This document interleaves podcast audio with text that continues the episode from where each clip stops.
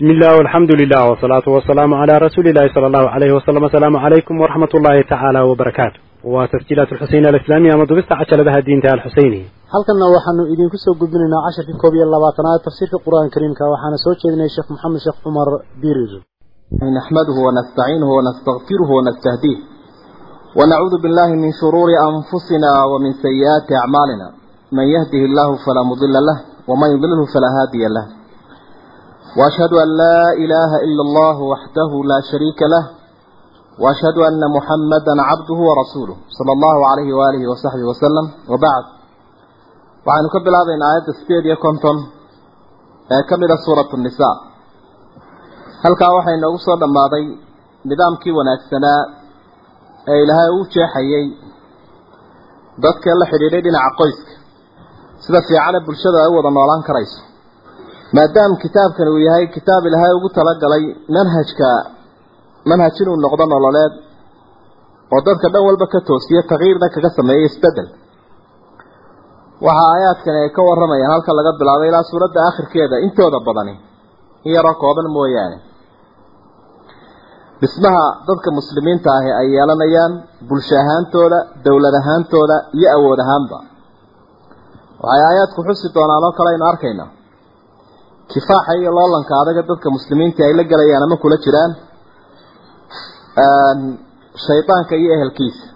Shaydaanka iyo acwaantiisa oo kufaarta ah bal jihaadka lagula jiro ayaa ay ka warrami doonaan aayaadka. Si kale haddii aynu u dhigno nidaamka siyaasiga islaamku uu leeyahay bay ka warramayaan aayaadka soo socda ilaahay baa waxau ihi ina allaha ilaahay ya'murukum waxau idin farayaa. An tu-addu lamaanaati ammaanooyinka inaa u gudataan oo gaarsiisaan ilaa ahlihaa ciddii mutaysatay. Wa idaa xakamtum bayna annaas dadka marka u garsooraysaan ilaahay wuxuu idin farayaa an taxkumuu bilcadl inaa u cadaalad samaysaan oo cadaalad ku xukuntaan. Ina allaha ilaahay nicimmaa nicma shayu shay baa wanaagsan yacidukum bih uu idinku waaninayo. Shaygaa ilaahay idinku waaninayo kaasunbaa u taya iyo qiimo badan.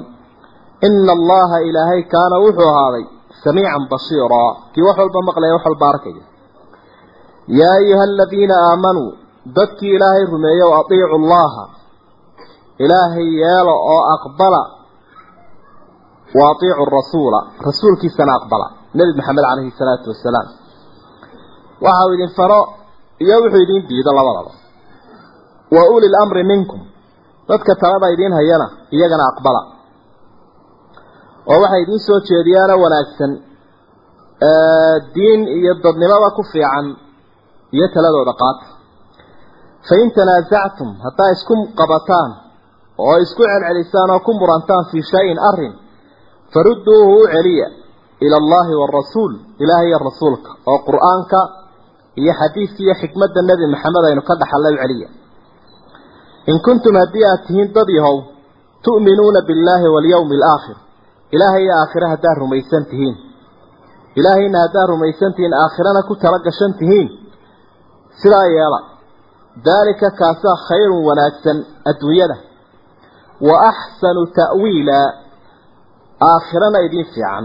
Masiirka dambe iyo mustaqbalkana kaasaa idiin wanaagsan baa ilaha wuli labadan aayadood aayadda hore waxaa la yidhaha aayat lumaraa aayadda madaxda.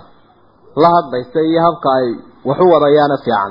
Ilahay raalliga ka yihi aayadda dambena waxaa la yidhaha aayat raciya aayadda bulshada la hadlaysa sidaa darteed baa aimada qaarkood ay si gaara uga hadlaan labada aayadood. Oo ibnu taymiya raximahullah risaaladiisa yare la ydhaa asiyaasa asharciya fi islaaxi araaci waraciya qaaliban wuxuu ku sharxayaa labadan aayadood. Iyo aayaadka la macnaa unbuu soo qaadanaya marka halkaa waxaa ka muuqanaya oo nasku si cad uu sheegay ee dadka muslimiinta ah shaaricoodu ka sharciga u dejinaya waa ilaahay. Sharcigoodu waa qur'aanka iyo xadiidka nidaamka ay raacayaan. Dowladdooduna waxa weeyaan suldadaa fulinaysa awooddaa fulinaysa kitaabka iyo sunnaha iyo qadaagaa iyo garsoorka ah isaga wax ku xukumaya ina allaha yaamurukum an tu-addu lamaanaati ilaa ahliha dadkii madaxda ahaabaa lagula hadlaya waidaa xakamtum bayna annaasi an taxkumuu bilcadl garsoorkii baa lagula hadlaya yaa ayuha aladiina aamanuu atiicu llaha waatiicu rasuula wa uli minkum waa raciyadii fain tanaasactum fii shayin farudduuhu ila allahi waarasuul waa distoorkii ay raacayeen iyo nidaamkii idan dowladnimadii intaasay ku dhanta iyaga ilaahay baa ka xil qaaday iyo nidaamkii oo u dejiyey idan garsoorkooda iyo maamulkooduba wuxuu fulin u yahay oo uu fulinayaa sharciga. Hadday majaalis samaystaanna waa majaalis istishaariya oo ka wada tashanaysa sidii sharciga loo fulin lahaa iyo sidii loo fahmi lahaa iyo sidii loo sharxi lahaa un. Laakiin sidii food loogu qaadi lahaa ma raacnaa mise waynu iska daynaa? Iyo sidii loo xarifi lahaa ee loo bedeli lahaa? Iyo sidii looga dulboodi lahaa? Majaalistoodu maaha sida akhiiran ay u badatay majaalista dadka muslimiinta marka halka gaaladu ay ka yidhaahdaan maamulka dawliga ahi wuxuu u qaybsan yahay golayaal sharci dejineed iyo garsoor wax xukumaya iyo hay'addii fulinaysay ee sharciga ah. Waa distoor iyo distoorka ciddii dejisay iyo xukuumaddii fulinaysay iyo qadaagii wax ku xukumayay. Dadka muslimiinta ahi iyagu waxaanay lahayn hay'ad laleeya sharci bay dejinaysaa. Aan kan ilaahay ahayn iyagu male laakiin sharcigoodu wuu dejisan yahay waa la fulinaya taas wey idan aayaadkan markaynu u fiirsanno labadan aayadood u horeeyaan waxaynu arkaynaa murtakasaatu dawla alislaamiya dadka muslimiinta dowladoodu waxyaabaha shicaarka iyo asaasiyaadka iyo saldhigga u ah oo ah caqiido wanaagsan oo saafiya ay ku soconayso cibaado suuban iyo shareecadda samaawiga ah waxay leeyihiin jihaaz xukuumiya oo alla uu halkan kula khitaabtamo oo uu farayo inay gutaan ammaanada. Ina allaha ya'murukum an tu'addu lamaanaati ilaa ahliha. Ammaanadaasi waa ammaanada xukumka iyo ammaanada maalka. Ile maal bay ummadda u hayaane. Iyo ammaanada mas'uuliyadaha. Mas'uuliyaddii inaanay masaalixooda u isticmaalin danahooda gaarka ah iyo danaha dadka ay u exanayaan laakiin waa inay noqotaa mid dadka si fiican loogu qaybiyo. Waxay leeyihiin nidaam qadaa'iya oo shicaarkiisu ya wa idaa xakamtum bayna annaasi an taxkumuu bilcadl. Shayga u qoran ay ku soconayaan waa kaa cadaalada lagu kala xukumo waa kitaabkan iyo waxigan samaawiga cadaalad kale ma jirto. Weligiiba hala yidhahdo u hagaagsan yihiin waxay leeyihiin jeish isaguna intan oo dhan ilaalinaya udubadana u taagaya o adkaynaya cadowga soo weerarayana ka difaacaya. Oo aada arki doonto aayaadka soo socda. Lafdu lqitaal maqradan maqrada ku xigta oo keliya toban jeer uu ku soo noqonaya ereygaasi shicaarkiisuna waxa weeye waaciduu lahu ma istatactum min quwatin wa min ribaati alkhayli turhibuuna bihi caduwa allahi wa caduwakum. Waaaakhariina laa taclamuunahum allahu yaclamuhum waa munaafiqiintii. Waa xukuumadooda ama dowladoodu waxa ay ku baaqaysaa ay dhiirigelinaysaa cilmiga iyo aqoonta iyo waxbarashada iyadoo ka samaawiga ay u horeeyo ka tajaaribka iyo tijaabooyinka adduunyada wax laga qabsanayaana uu ku xigo. Shicaarkeeduna yahay waqul oo haddii ay noqoto dadka qaarkood inay la xidhiidhaan ama xabad joojin la samaystaan samafalkooda iyo mucaahadadooda iyo ballantooda cid la midahi ma jirto. Shicaarkeeduna waxa weeyaan laa yanhaakum allahu can aladiina lam yuqaatiluukum fi ddiini walam yukhrijuukum min diyaarikum an tabaruuhum watuqsituu ilayhim.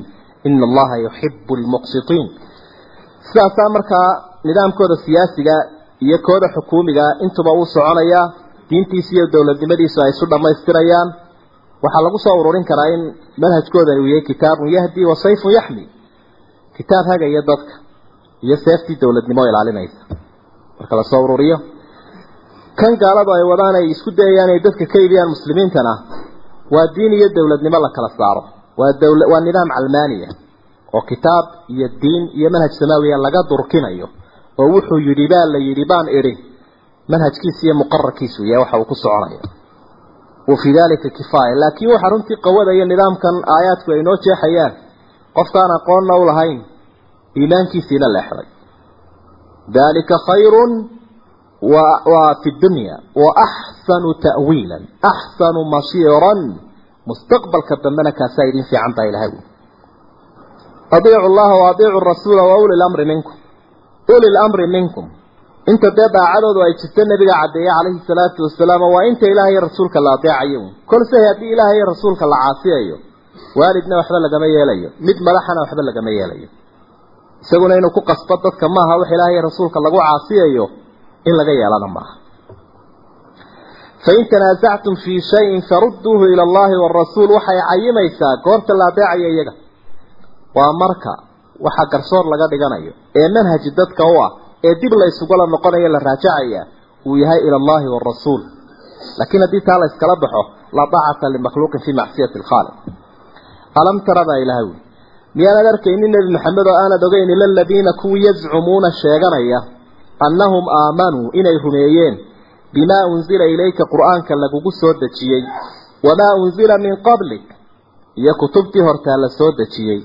Haddana yuriiduuna waxay doonayaan an yataxaakamuu inay garsoor ka dhigtaan ila daaquut shaydaan iyo acwaantiisa iyo kuwa kufaarta ah waqad umiruu waxaana la faray an yakfuruu bihi daaquudka inay ka gaaloobaan wa yuriidu shaydaanu daaquudkan shaydaanka ahi waxa uu doonayaa an yudilahum inuu ambiyo dalaalan baciida ambin fog aayaadkan ilaa xagga dambe waxay ku soo degeenoo sababtu ay ahayd inkastoo xukunku caam yahay.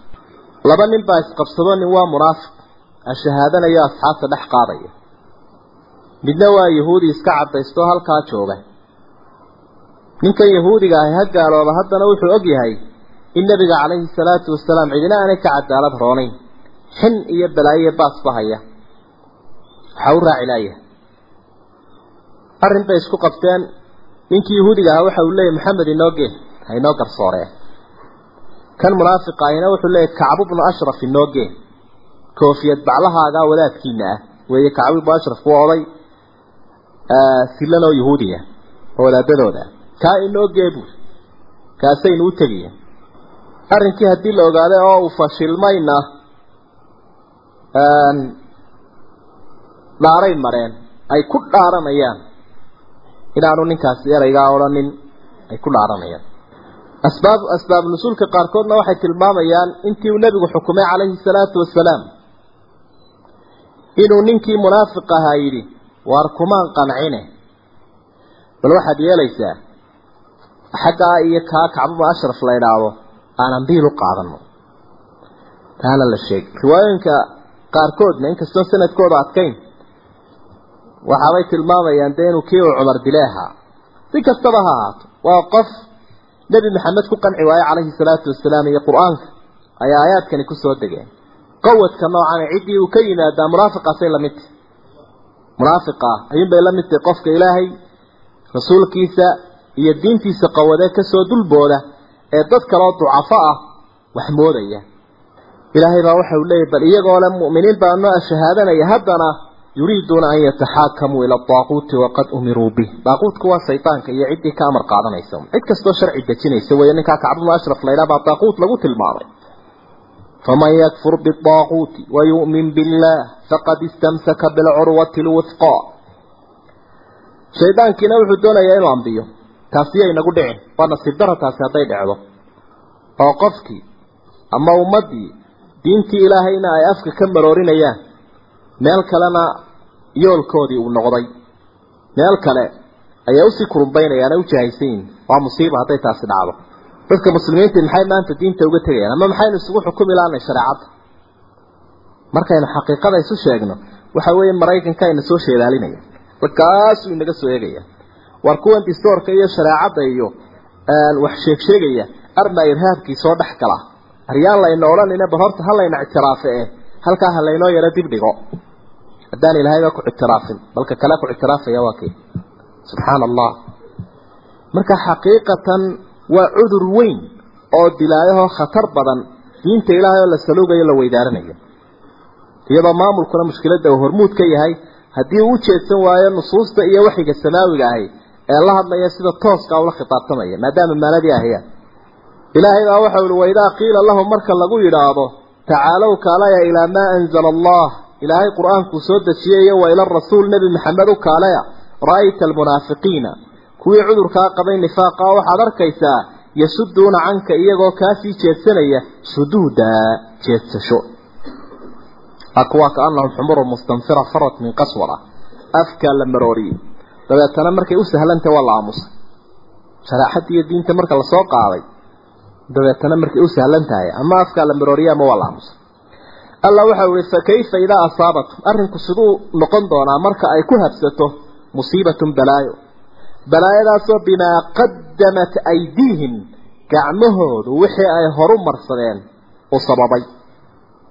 Musiibadaasi kolkay timaado. Maanta maxaa cabsidan keenay? Maxaa ducufkan keenay? Hoos loo eegayo dadkii muslimiinta. Maxaa tafaraaruqan keenay iyo mushkiladan? Iyo warwarkan dhan walba aakhiriya adduunyada labadiiba ay ka warwarsan yihiin waa taa ilaahay uu tilmaamayo uma jaa-uuka way ku iman doonaan nebi maxamed ow aayadda dee sababteedii waynu tilmaanay yaxlifuuna billaah iyagoo dhaaranaya. In aradnaa umaanaan jeedin ilaa ixsaanan wanaag iyo wa tawfiiqan toosin. Iyo hagaajinun baanu u jeednaye dee arrinku nagama ahayn inaanu kaa ambiil qaadanno. Ee wuxuunaanu lahayn bal hala dhexdhexaadiye labadan qof oo dee kacbabun ashrafkaasinaha si yara sawasaweeyo. Saasun baanu u jeedin innaga marka diinta ilaahay laga soo dulboodayaaba la ydhaha waa sulux. Dadka waa la sulxinaya oo waa la suubinaya dhexdooda. Oo sharcigu miyuu miyuu isagu ifsaadinaya mise dadka uu kala eraya. Marka suluxu wuu jiraa laakiin labada qof waa wixii ay ogol yihiin tanaasul ay ku sameeyaan. Qofkani wixii uu doonayo tanaasul kaga sameeyo. Laakiin wixii xeera oo lagu qasbayo lagu dirqiyayo qofka sulux ma noqdo ilaahay waxa uhi ulaaika kuwaasi aladiina kuwii weeye yaclamu allahu rabbi ogaanayay maa fii quluubihim qalbigooda waxa ku sugan ilaahay waa ogaanaya. Uu ka warhayaa ilaahay fa acrid canhum nebi maxamedow ka sii jeedso wax la eegan maahe. Maxaa laga eegan kuwa? Wacidhum waani waana u fidiyo bal cabsi geli waqul lahum waxaad ku tidhaahdaa fii anfusihim gaar ahaantooda qawlan baliiqan hadal xeel dheeroo saameeya oo dareen geliya bal ku dheh.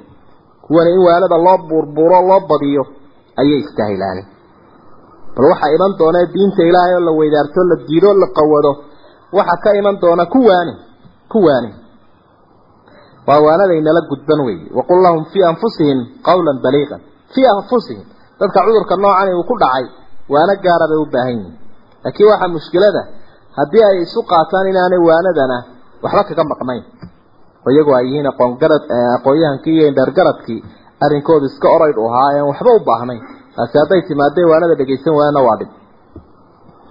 Ilaahay waxa uhi wamaa arsalnaa maanaan dirin min rasuulin. Rasuul maanaan dirin ilaa haddaanu dirno liyutaaca biidni illaah ilaahay amarkiisa in lagu aqbalo oo lagu adeecaan u dirnay. Rasuul kastoonu dirnay iskamuu tegin. Dalxiisu ma aha ummadda. Majaajillo uma hayo. Laakiin waxay samaawiya buu hayaa wuxuu ummadda ku hogaaminayaa waa in la adeeco oo laga tala qaato.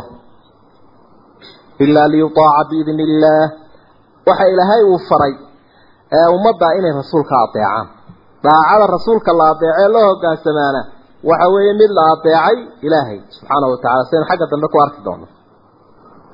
Alla waxa uhi walow annahum iyagu id dalamuu anfusahum nafahooda markii ay dulmiyeen ay ku xadgudbeen ay diinta ilaahay diideen jaa-uuka hadday kuu iman lahaayeen faistakfaru allah ilaahayna dembi dhaaf ay weydiisan lahaayeen wastakfara lahum arasuul rasuulkoo nebi maxamedina ilaahay dembi dhaaf u weydiin lahaa lawajadu allaha ilaahay waxay ku heli lahaayeen tawaaban raxiima mid towbad aqbal badan oo u naxariis towbadda uu ka aqbali lahaa macnaha hadday isdabaqabatayn lahaayeenoo wallahan iyo dhaarahan qaladkooda ay ku sii akidayaan hadday iska dayn lahaayeen oo ilaahay intay dembi dhaaf weydiistaan adigana ay kuu soo noqon lahaayeen oo ilaahay noo bari ay ku odhan lahaayeen ilaahay toobadda wuu ka aqbali laha oo uu naxariisan laha laakiin xumaantii bay ku sii adkaysteen halkaa waxaa ka muuqanaya istikfaarta nebi maxamed calayhi salaatu wasalaam waa shay ilaahay loogu tawasulayo. Markuu nebigu ilaahay dadka u weydiiyey istikfaar ilaahay waa u aqbalayaa dembigana waa ka dhaafayaa ciddaa uu istikfaarta ilaahay u weydiiyey. Bal aayadan eeg ilaahay baa waxau ihi falaa falaa yafcaluu dalik dee arrintaa ha ka hadheen oo faldembiyeedka noocaas ayay samaynin warabbika baa ilahay ui waan isku dhaartee laa yu'minuuna mu'miniin noqon maayaan oo iimaan yeelan maayaan dadku xataa yuxakimuuk jeeroo garsoore ay kaa dhigtaan oo adiga kii xukumaya aada noqoto fii maa shay aad ku kala xukunto shajara baynahum iyaga ka qarsooma ee ka adkaada ee ka kadeedma wixii ku adkaada ee ka murga shajarku waa geedkaa laamihiisu aanay toostoosnayn saa isu dhex marayaan. Markaa wixii ka murga jeeray kuu keenaanoo ka ku kala xukumaya adiga aada noqoto kuwani a shahaado ma leh. Uma dabeetana markaad kala xukunto laa yajiduu fii anfusihim nafahooda aanay helin xarajan wax cidhiiriya mimaa qadayt. Wixii aad kala xukuntay ama xukunkaagii wax cidhiiriya aanay dareemin. Wayusallimuu tasliiman ay hogaansamaan hogaansamid inay hogaansamaan way hogaansamid intaa markay isku daraan kow waxalla wixii dadka ka murga waa inay ilaahay diintiisa u laba marka sharciga sidiisa loo saarana waa inay ku qancaan. Saddex waa inay isdhiibaan ilaa wuxuu leeyahy markuu tukanayo waqaala inanii min almuslimiin mar walba qofka saasaa shicaaru ah.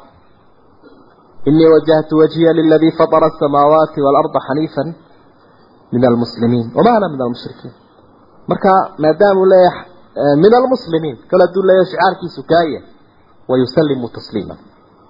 Markaa waxaa la diidaya kolka shareecada uu isidhaahdo waxaanaad doonayso way xukumaysa waa inaanu tegin. Kolka uu isleeyahy waa lagaa xukumayaa waxaanaad baadi doonaysana waa inaanu ka baydhin. Laakiin mar walba waa inuu ku qancaa ilaahay diintiisa ama ha loo xukumo ama ha laga xukumo. Ilan gar natiijada ka soo baxda waa labadaa mid uun mar walba marka qofku wixii uu doonayo loo xukumo waa sax.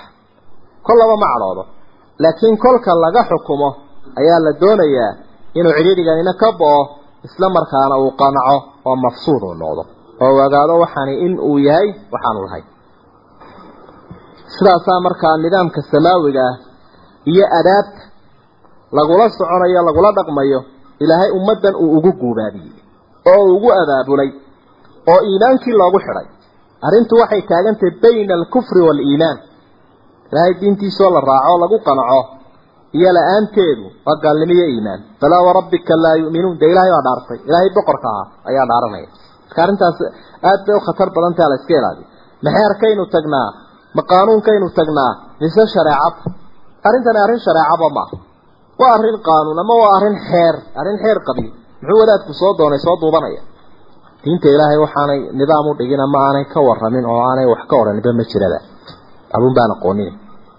Ilaahay waxa uhi walow annaa anagu katabnaa calayhim haddii aanu ku waajibino an iqtuluu anfusakum nafihiina laaya aw ikhrujuu min diyaarikum ama guryihiina ka qaxa oo ilaahay dartii uga qaxa.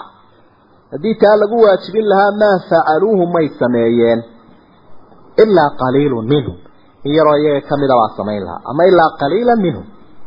Labadaba waa la akriyay in yaroo kamidun baa samayn lahay walow annahum iyagu kuwaa munaafiqiintii facaluu hadday samayn lahaayeen maa yuucaduuna bihi. Waxaan lagu waaninayo. Ee qur'aanka iyo xadiidku ay ku waaninayaan. Ee ahlu dikrigu ay kula talinayaan hadday aqbali lahaayeen lakaana khayran lahum. Way u fiicnaan lahay adduun iyo aakhiraba.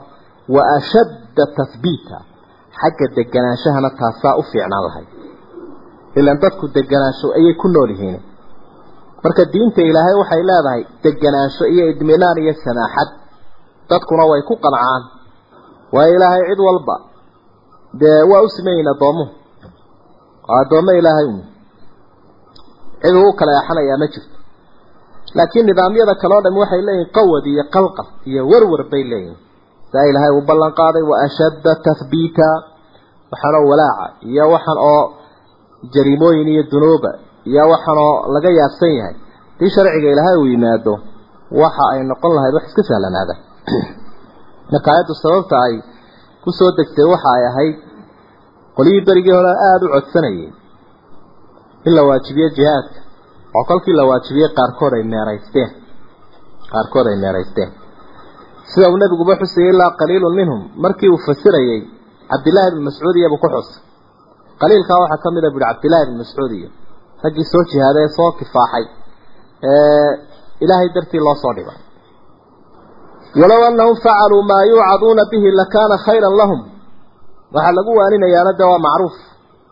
Ilaahay shayga xaggiisa ka yimi oo waxyigan samaawigunbaa ugu qiimo badan wuxuu addoonku ilaahay ugu dhawaado waidan baa ilaahay uhi haddii sidaa ay yeeli lahaayeen oo waxa lagu waaniyey iyo waxyiga ay aqbali lahaayeen ummaddu la aataynaahum waxaanu ka siin lahayn min ladunnaa agtayada ajran cadiima. Abaalmarin weyn baa la siin lahaa. Adduun iyo aakhiraba. Waan low istaqaamuu cala ariiqati laasqaynaahum maaan gadaqaa hadday dariiqaa ku toosnaan lahaayeen biyaha la waraabin lahaa iyo dhibca aan kala go' lahayn dhaqaalaha koru kici lahaa. Walow ana ahla alquraa aamanuu waataqow lafataxnaa calayhim barakaatin min alsamaa'i waalard cir iyo dhul baa isqabsan lahaa kii aakhirana waa u dambeeya wuu dambeyn lahaa walahadaynaahum waxaanu ku hanuunin lahayn siraatan mustaqiima jid toosanna waanu ku hanuunin lahayn jid toosan jidka soo toosana diinta ilaahay ay dadka u jeexday ugu yeedhayso ee qur'aanku uu ku horkacayo ina hada dadkaa maanta aada afgaran laadahay ee horiya dabadiidka ah ee dhanna u dhaqaaqila ee adduunyadiina hare aakhirana waxay mutaysan allahu aclam. Ilaahay waxa ugu bushaaraynaya haddii alla u soo noqon lahaayeen taa walahadaynaahum siraatan mustaqiim. Siraatan mustaqiima. Qawaacidka ummadi ay ku horu marto iyo siday ku barwaaqaysanayso iyo cidda namaadijta iyo tusaalayaasha iyo xidigaha ay ku dayanayaan ay ku yidi diilanayaan u ah ayaa ilaahay u xusay waman yudic illaaha waarasuul cidda ilaahay iyo rasuulka adeecaysa aqbalaysa. Daacatullaahi waarasuul wax qarsoon maaha. Qof kastoo muumini u ogsoon yahi ilaahay iyo rasuulka shayga xaggooda ka yimaada ee la amrayo qofku wuu aqbalay.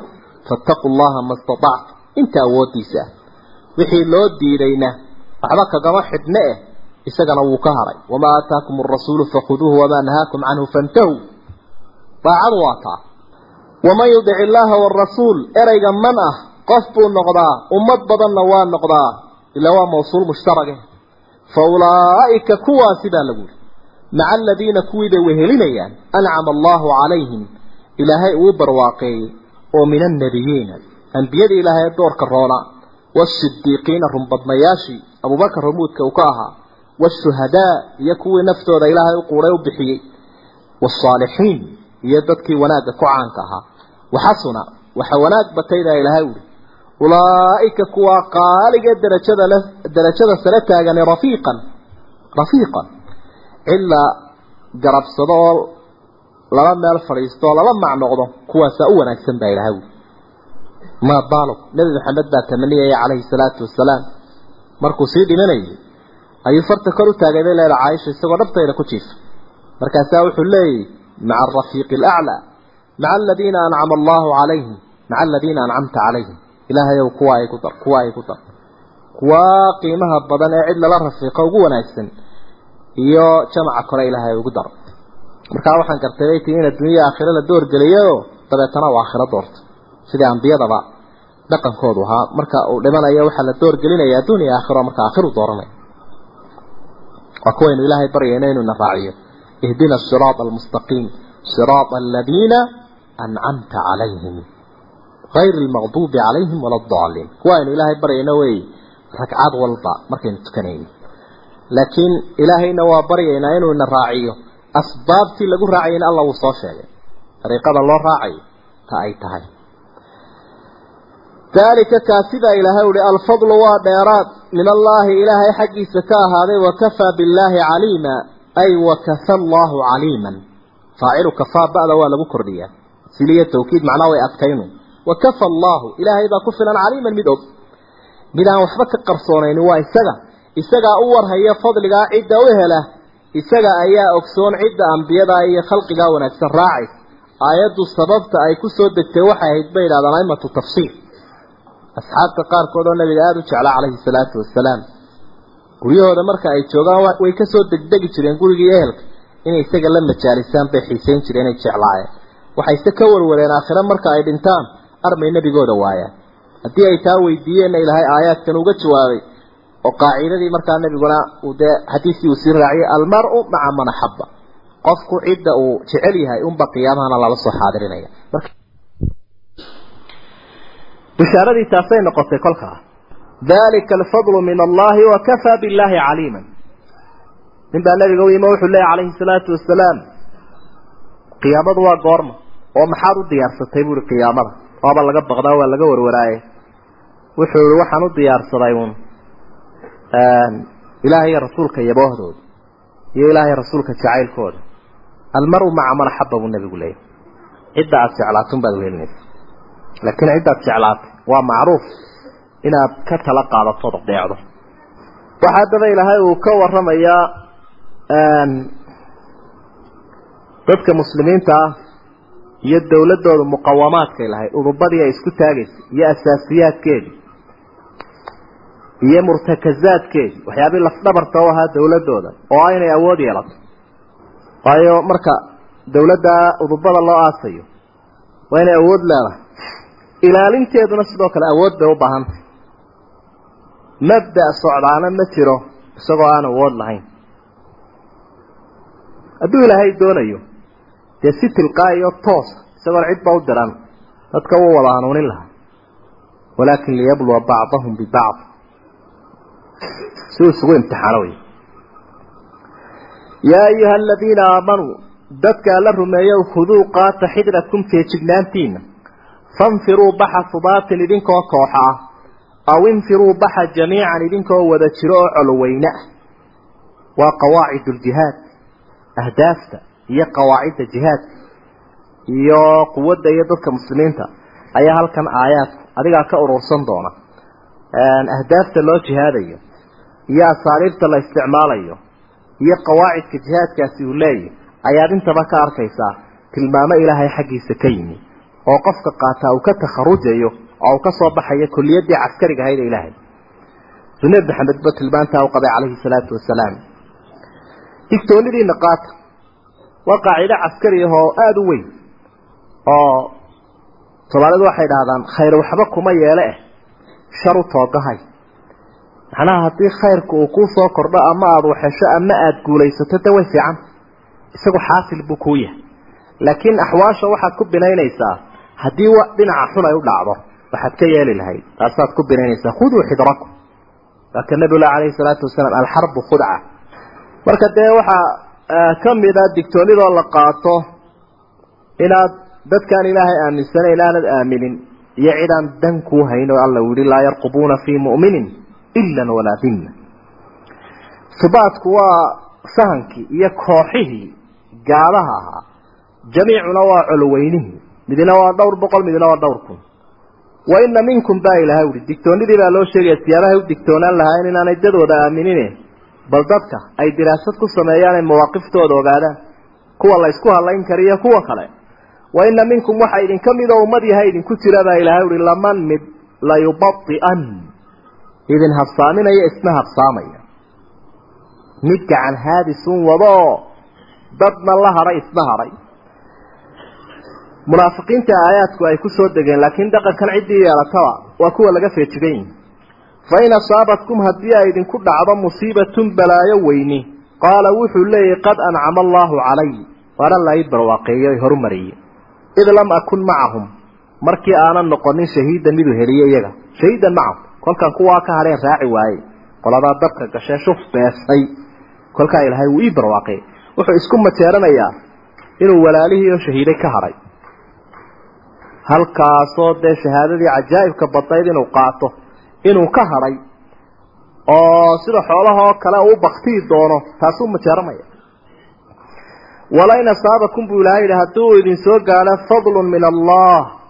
Dheeraad ilaahay xaggiisa ka ahaaday oo la guulaysto cadowga laga adkaado adduun la helo futuuxaad yimaadaan oo dal la furto haddii laga gacan sarreeyo cadowgii. Layaquulanna wuxuu odhan doonaa kaasi kaan lam takun iyadoonay ahaanin baynakum wa baynahu mawadda. Idinka iyo isaga iyadoo la moodo inaan wax kalgacal iyo naxariisi idiin dhexayninba. Muxuu leeyahay? Yaa laytanii buu leeyahay. Hoogaygae kuntu macahum miyaan weheliyo oo aan colka raaco. Fa afuuza macahum fawzan cadiiman. Liibaan weyn baan gaari lahaayo. Waxaa rag helay ee ammaan leh adduun leh ee darajo leh xun baan ka heli lahay. Yaa laytanii kuntu macahum marka intani waa jumla muctarida arrinka sii iftiiminaysa. Layaquulanna wuxuu odhanayaa yaa laytanii kuntu macahum markuu hadalkaa leeyahayna kaan lam takun baynakum wa baynahu mawadda. Waxaa la moodaa inaan kalgacal iyo xigtanimo iyo naxariis idiin dhexaynin. Lahjadii cadowga iyo ereyadii cadowgu ku hadlaya. Markuu sidaa leeyahy hadda kuwaasina way idinku dhex jiraan waa kuwa ilaahay uu tilmaamayo ee awoodda islaamku ay irhaab gelinayso. Waa munaafiqiinta halkaa waxaa ka muuqda waxa uu jihaadaya qofka muuminka ah iyo ka munaafiqi wuxuu jihaadayaabaa dee kala duwankani waa maal iyo masaalix. Maalmaha yar uu qaato. Ana laba aan isqabanayn meeshii lagu dhimanayn inuu galo waxna ka baadi doono.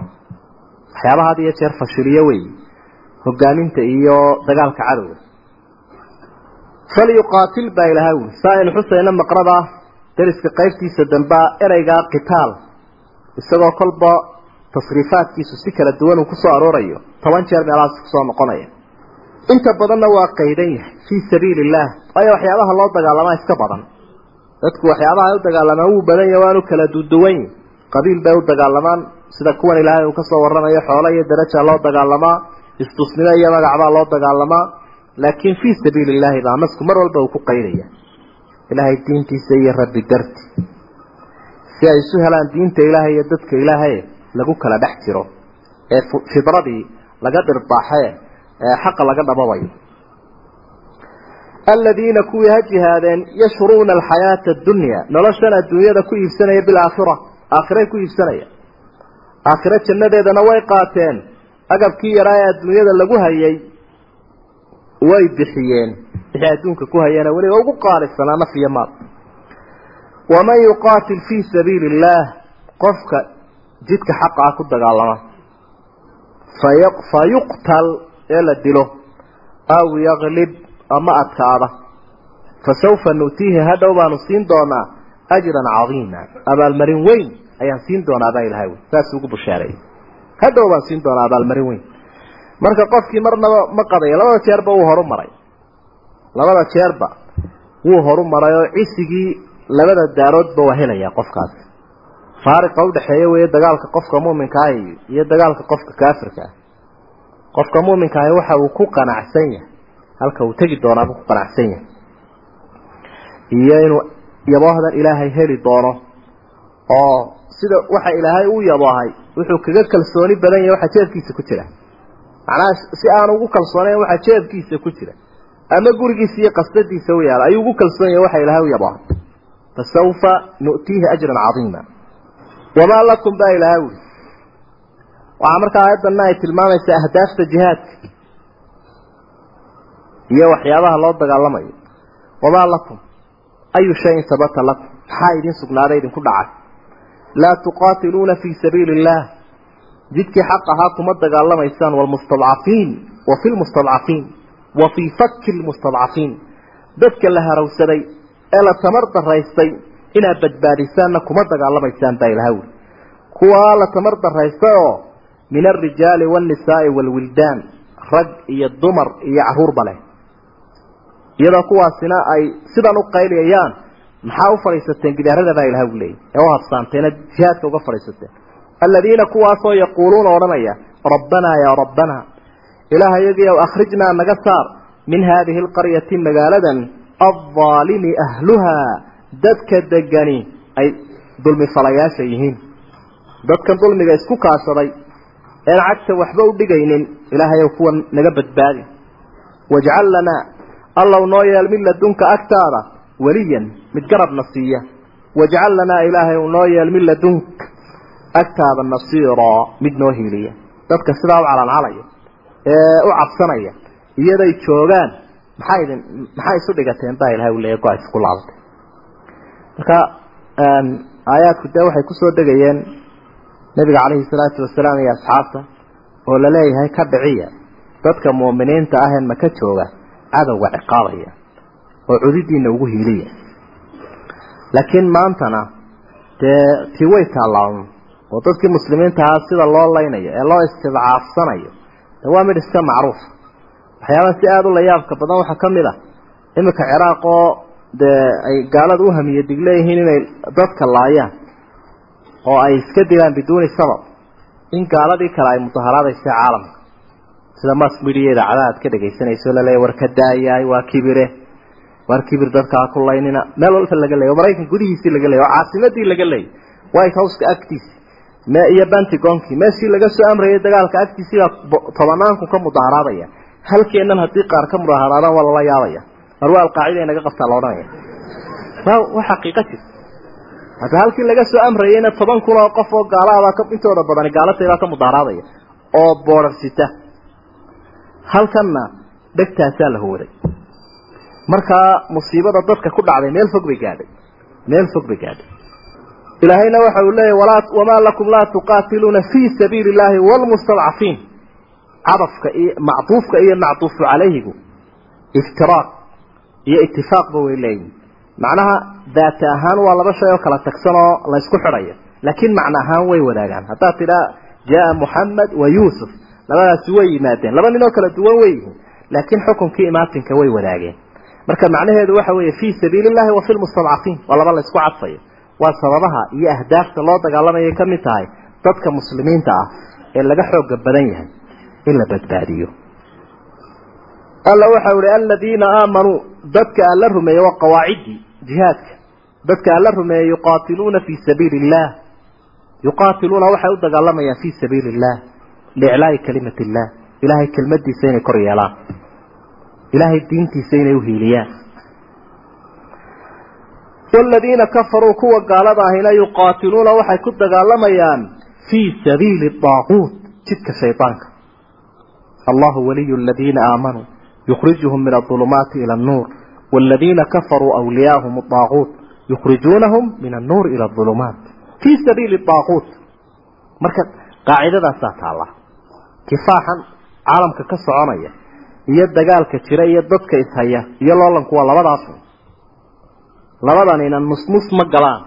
Imaa wa imaa imaa inuu fii sabiili illaahi yahay wa imaa inuu fii sabiili daaquut yahay. Fii sabiili hunguri haddii uu noqdona dee waa daaquutkaasunbuu raacaya ila isna wuu jiraay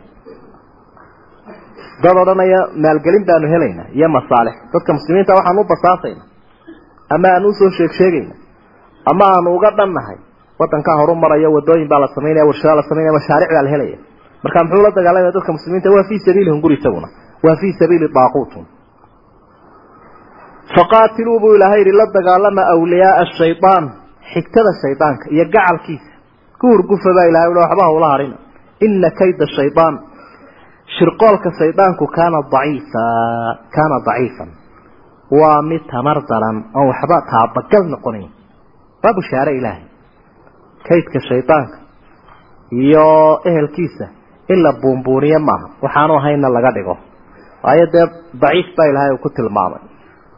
Waa wax dhexda ka jabaya alam tara miyaanad arkaynin ila aladiina kuwii miyaanad arkayn nebi maxamedow qiila lahum lagu yidhi kufuu aydiyakum gacmaha haysta waxbaha dagaalamina cagta udhiga wa aqiimuu salaata wa aatu zakaa salaada ogoo sakada bixiyoo dhiiboo quura. Falamaa kutiba calayhim alqitaalu waktigii hore jihaada la waajibiyey bay markii qitaalkii lagu waajibiyey iyo dagaalka idaa waxa soo baxday fariiqun minhum koox iyaga ka midihi yakshawna annaasa iyagoo dadka ka cabsanaya ka khashyati illaah sida ilaahay mu'miniintu uga cabsadaan aw ashadda khashya ama si ka daranba xagga cabsida wa qaaluu waxay yidhaahdeen rabbanaa ilaaha iyagiiow lima katabta calayna alqitaal maxaad jihaadka noogu waajibisay lowlaa akhartanaa allow maad noo dib dhigtid ilaa ajalin qariibin ilaa muddo dhow oo talow goorma ah. Waxaynu odhan karnaa haddaanay afka ka odhan dadka muslimiintii kelmadaasay maanta leegi lowlaa akhartanaa ilaa ajalin qariibin dagaalkaasi wuu adag cadowguna wuu xoog badan yahay.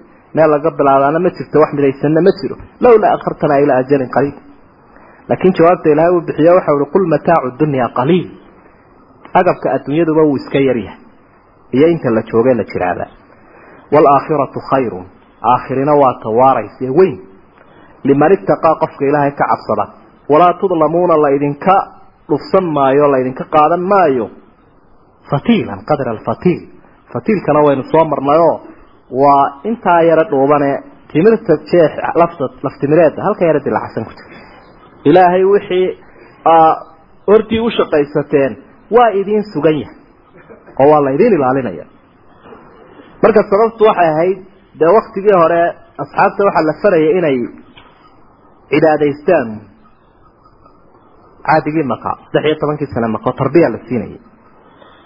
Nabigaa tarbiyeynaya calayhi salaatu wasalaam dadkii dowladdan islaamka asaaska u noqon lahaa ee udubada u taagi lahaa buu tarbiyadaynayay waayo waa ammaano weyn dadka degdeg ku qaadaya qaar degdegaya oo buubaya sida awrka waa inaanay hayn. Carabtana waxaa iska macruuf ahaa waktigii hore in qofku haddii far lagu soo fiiqo shan buu fiiqi jiray. Markaa ilaahay ummaddan sabirkuu barayay sabirka. La qabsigii hore inay wax ka soo bedelaan awooddooduna ay isku hagaagto oo itaalkooda iyo tiradooduba ay buurnaadaan. Cilmigooda iyo caqiidadooda ay dhismaan. Waktigii heerka ay gaadheenna iyo iyadoo dee ay macruuf ahayd dadku way isku dhex jireen. Oo inta gaalada iyo inta islaamka ah waa la isku dhex jira maka waa la wada deganaa qoys qulaa laga yaabaa. Intaasina inay dee qofna uu muslim yahay laba ay gaalo yihiin la isku dhex jiro. Istaraatiijiyadii dagaalku markaa dee ma hagaagayso.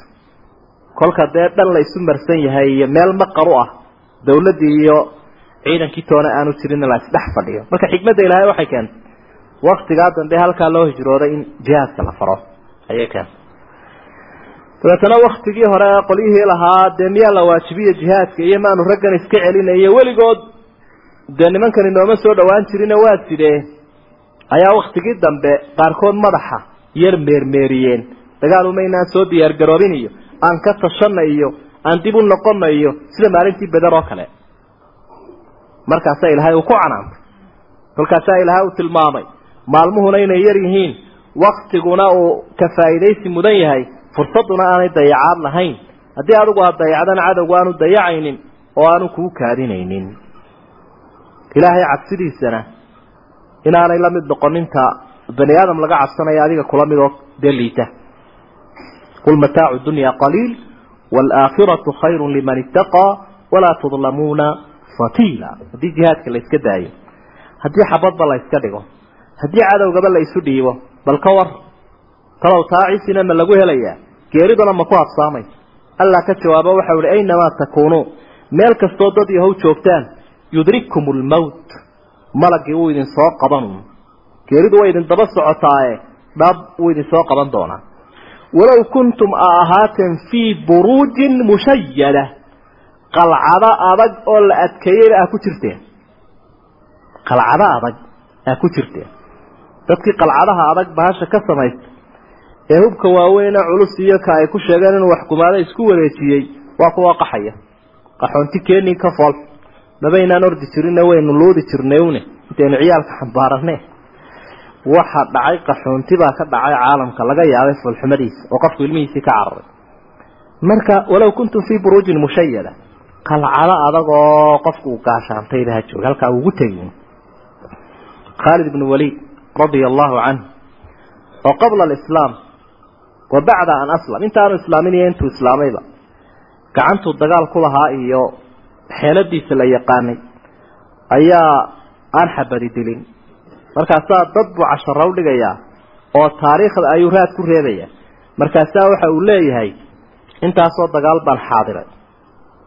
Jidhkayga meel wal oo ka midaba waxa ku sugan dacnatun aw ramya ama waran laga taagay ama leeb lagu dhuftay wahaa ana amuutu calaa firaashi falaa naamat acyunu ljubanaa maantana waa anigaasoo furaashkaygii baan ku dhimanaya allow dadka fulayda indhahoodu aanay libiqsan aanay seexanin buu leeyay fulaygu dee halkaa haka soo jeedkiisa ha iska wato cabsidiisii ha wato. Macnaha cidhiidhi adagoo la galo iyo cadow la hor in aan lagu dhimanayn buu khaalid tilmaamaya intee ayuu ka soo hadhay wain tusibhum xasanatun walaag haddii uu soo gaadho yaquuluu waxay odhanayaan haadihi min cindi illaah tani ilaahay xaggiisay ka timi wain tusibhum sayi'atun balaaya hadday ku dhacdo yaquuluu waxay odhanayaan haadihi min cindik tani agtaaday ka timid oo adaanu ku eersamay.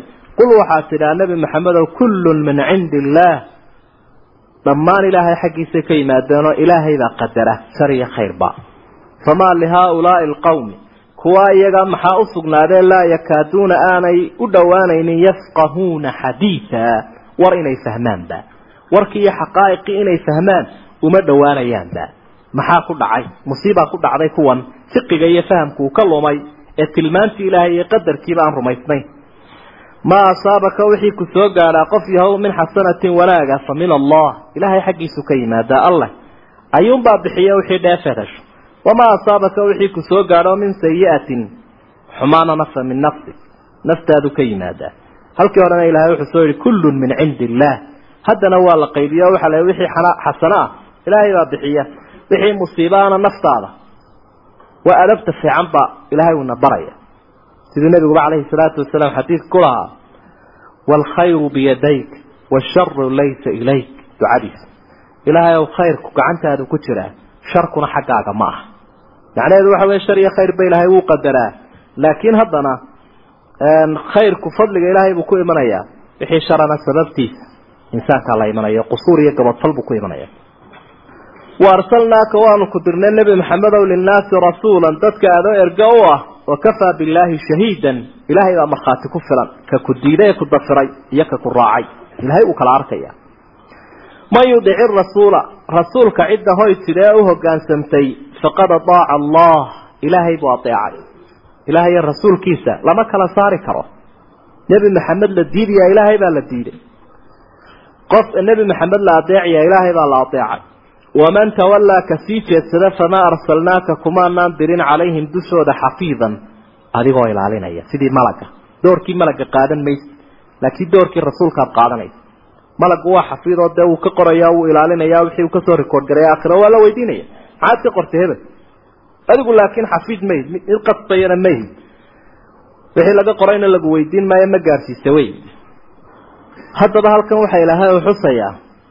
Dad aan sawaabkii ku toosnayn oo ka dhacay iyo dar kale oo degdegay oo arrinkaa ciddii ehelka u ahayd aanu celinin.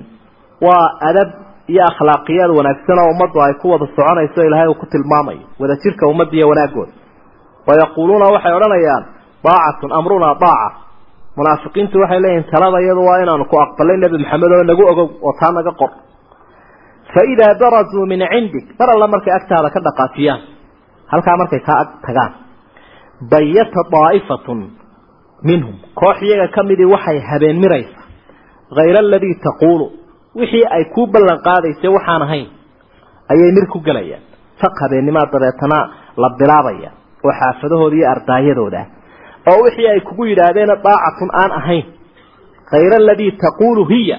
Daa'ifadaasi wixii hortaada ka lahayd waxaan ahayn bay ku ayay habeen mirayaan. Bayata. Waa tabyiidkii min baata. Macnaha waa habeen mir faq habeennimaa la gelayaayo waxay kugula heshiiyeen aan ahayn. Ballan iyo diintoona male ama bayata daa'ifatun minhum kooxi waxay qarsanaysaa hayra aladii taquulu wixii adigu aada u lahayd taquulu lahum wixii aada u lahayd ay kaa ballan qaadeen waxaan ahayn wallaahu yaktubu. Ilaahay waxa uu qorayaa maa yubayituuna waxay habeenmirayaan ama qarsanayaan. Faacrid canhum ka jeedso watawakal cala allahi ilaahay ku tiirso arrinka u dhiibo. Wakafaa billaahi wakiila. Ilaahay baa kugu filan. Waa bushaaro weyn. Afalaa yatadabbaruuna alqur'aana? Miyaanay qur'aanka fiirfiirinin aanay dhuganin baa ilaahay uli oo aanay dhadhaminin siduu ula hadlayo iyo siduu u hagayo iyo siduu u saxayo noloshooda adduun iyo aakhiraba walow kaana hadduu ahaan lahaa min cindi gayri illaah cid aan ilaahay ahayn agteeda hadduu qur'aanku ka iman lahaa oo cid kale keeni lahayd siday gaaladu yidhaahdaanba weeye lawajaduu fiihi waxay heli lahayeen dhexdiisa ikhtilaafan kaiira iska horimaad badan iyo isbaraamba waxaa cad haddaba inuu yahay kitaaban mutashaabihan mathaniya kitaab isku egeg oo isu jiibinayo o islamaanaynayo alqur'aanu yusadiqu bacduhu bacda. Laa tadribuu bilqur'aani bacdahu bibacd. Alqur'aanu yusadiqu bacduhu bacdan buu nabigu leh alayhi salaatu wasalam qur'aanku isu rumaynaya. Waa daliil weyn. Waa adilada cadaynaysa in waxyiga ilaahay xaggiisa ka yimi waa mucjizaadka qur'aanka ka mid. Saddex iyo labaatan sana uu soo degayo wax iska hor imanayaa ma jiro. Hadday aayaadka qaarkood uga muuqdaan inay qofka iska hor yimaadeenna waanu fahmin. Falyas'al ahla dikr dadka aqoonta ula hawla noqdo. Markuu nin soo ururiye aayado badan oo isaga egaaday inuu muuqaalkooda iska hor yimi. Ibnu cabbaas buu geeyey aayad walba sibuu ugu dhigay. Dabeetana way ka dhaadhacday waa macruuf. Qofku hadduu maanta hadlo ama sanad gudihii hadduu dhowr khudbadood jeediyo oo dabeetana cajirad loogu duubo oo dib loo dhegaysiiyo isagaaba yaabiba. Tanaaqubaadkiisa. Iyo waxa iska hor imanaya maalin wuu bushaaraynaya maalin wuu dayrinaya maalin wuu ballan qaadaya maalin wuu beeninaya. Waa halka dee marka la boolatiigayo ee kambaynka lagu jiro madaxda laga galo. Maalintaana caynkaasu yihi maalin heblaayana caynkaasu yihi iyomuu waalan marka waxyigani waxa weeyaan midaan wax iska lahayn. Alla waxau ihi waidaa jaaahum marka u yimaado amrun arrin min alamni nabadgelyo sheegaya aw ilkhawfi cabsi sheegaya adaacuu bihi way iska faafiyaan dadkan ilaahay waxa uu ku eedeeya wixii ay maqlaanba inay sheegaan. Bixasbi imri'in min alism an yaquula bikulli maa samic xadiidka saxiixi wuxuu tilmaamay qofka waxa dembi ugu filan wixii uu maqlayba inuu sheego. Xadiidkii kale saxiixa waxa waa wakariha lakum qiila waqaala ilaahay wuxuu yidhi nacay wuu yidhi baa qiila waqaala un adigu isuge wuu yidhi baa la yidhi buu yidhi. Marka labadooda la ysdaba wado saasay isugu biyashubanaysa man xadatha bixadiidin yaraa annahu kadib fahuwa axadu alkaadibayni aw alkaadibiina qofka war sheega uu arkayo in been uu yahay ee weriye sheega. Ama cid ha ku ha kaga cadhaysiinaya ama ha ku xumaynaye beenaalayaashu ka mid yahay buu nabigu leh alayhi salaatu wasalam markaa la iska obsado warka adaacuu bihi waa min alidaaca waa warbaahin waa aayad la xidhiidha nidaamka saxaafadda iyo usluubkeeda iyo akhlaaqda saxaafadda ayay la xidhiidha. Wixii la baahinayaa inuu noqdo wax xaqiiqo ah oo run ah oo sawaaba oo aan dadka aafaynayn waa inuu noqdo alla wuxuu ihi walow radduuhu ila arasuul nebi maxamed hadday u celin lahaayeen. Wa ilaa uli lamri minhum. Iyo dadka madaxda ah ee aqoonta leh haddii ay u celin lahaayeen wixii ay maqleen. Lacalimahu way ogaan lahaayeen aladiina kuwa yastanbituunahu. Wax kala soo baxayo minhum kuwaa loo celiyey ka midi. Kuwa loo celiyey ee ulul amarka ahi waxay ka istimbaadi lahaayeen warkaasoo ay kala soo bixi lahaayeen wixii xaqiiqo ah wixii mudan xaqiiqo ah ayay sheegi lahaayeen. Lacalimahu aladiina yastanbiduunahu minhu. Waxay ogaan lahaayeen kuwa istimbaadka ka samaynaya nataa'ijka kala soo baxaya warka. Ee minhum ulul amarka ka midii xaqiiqadiisay ogaan lahaayeen. Wixii sheegid mudan iyo wixii kale iyo wixii absurud mudan. Ama lacalimahu way ogaan lahaayeen aladiina yastanbiduunahu kuwa warkan natiijadiisa la soo baxaya minhum ulul amarkay ka ogaan lahaayeen. Xaqiiqadiisa. Marka waa hubin fatabayanuudii bay marka tilmaamaysa alla wuxuu uhi walowlaa fadlu llahi calaykum waraxmatu ilaahay naxariistiisa iyo dheeraadkiisa haddii aanu jirin latabactum shaydaana ilaa qaliila shaydaan baa raaci lahaydeen in yaroo idin ka mida mooyaane faqaatil fii sabiili illahi jihaadka gal oo ilaahay dartii u dagaalan laa tukallafu ilaa nafsaka naftaada unbaa waajibka la saaro lagu mashaqeeyey nebiguna wuxuu lahaa hadday dadkoo dham iga hadhaan keligay baan dagaalami waxaridu lmu'miniina jihaadka ku dhiirigeli dadka mu'miniinta oo kiciniyo abaabul ku samee casa allahu rabbi wuxuu xaqiiqo ku yahay idiin bushaareeye an yakufa inuu hakiyo ba'sa aladiina kafaruu kuwii gaaladahaa balaayadooda haddaa ilaahay ku kalsoonaataa wallaahu ashaddu ba'san ilaahay isagaa daran xagga balaayada wa ashaddu isaga ayaa adag tankiilan xagga cuqubada iyo waxyeelada marka ilaahaynaa ku kalsoonaada saasaa ilaahay ummadda ugu bushaareeyey inay iyaguna is-abaabulaan ilaahayna ku tiirsadaan. Ogaadaanna awoodda cadowgu tawaxkumaada inaanay hayne ka wax cidhib tira ee wax abaadiyaa inuu ilaahay yahay. Allahu aclam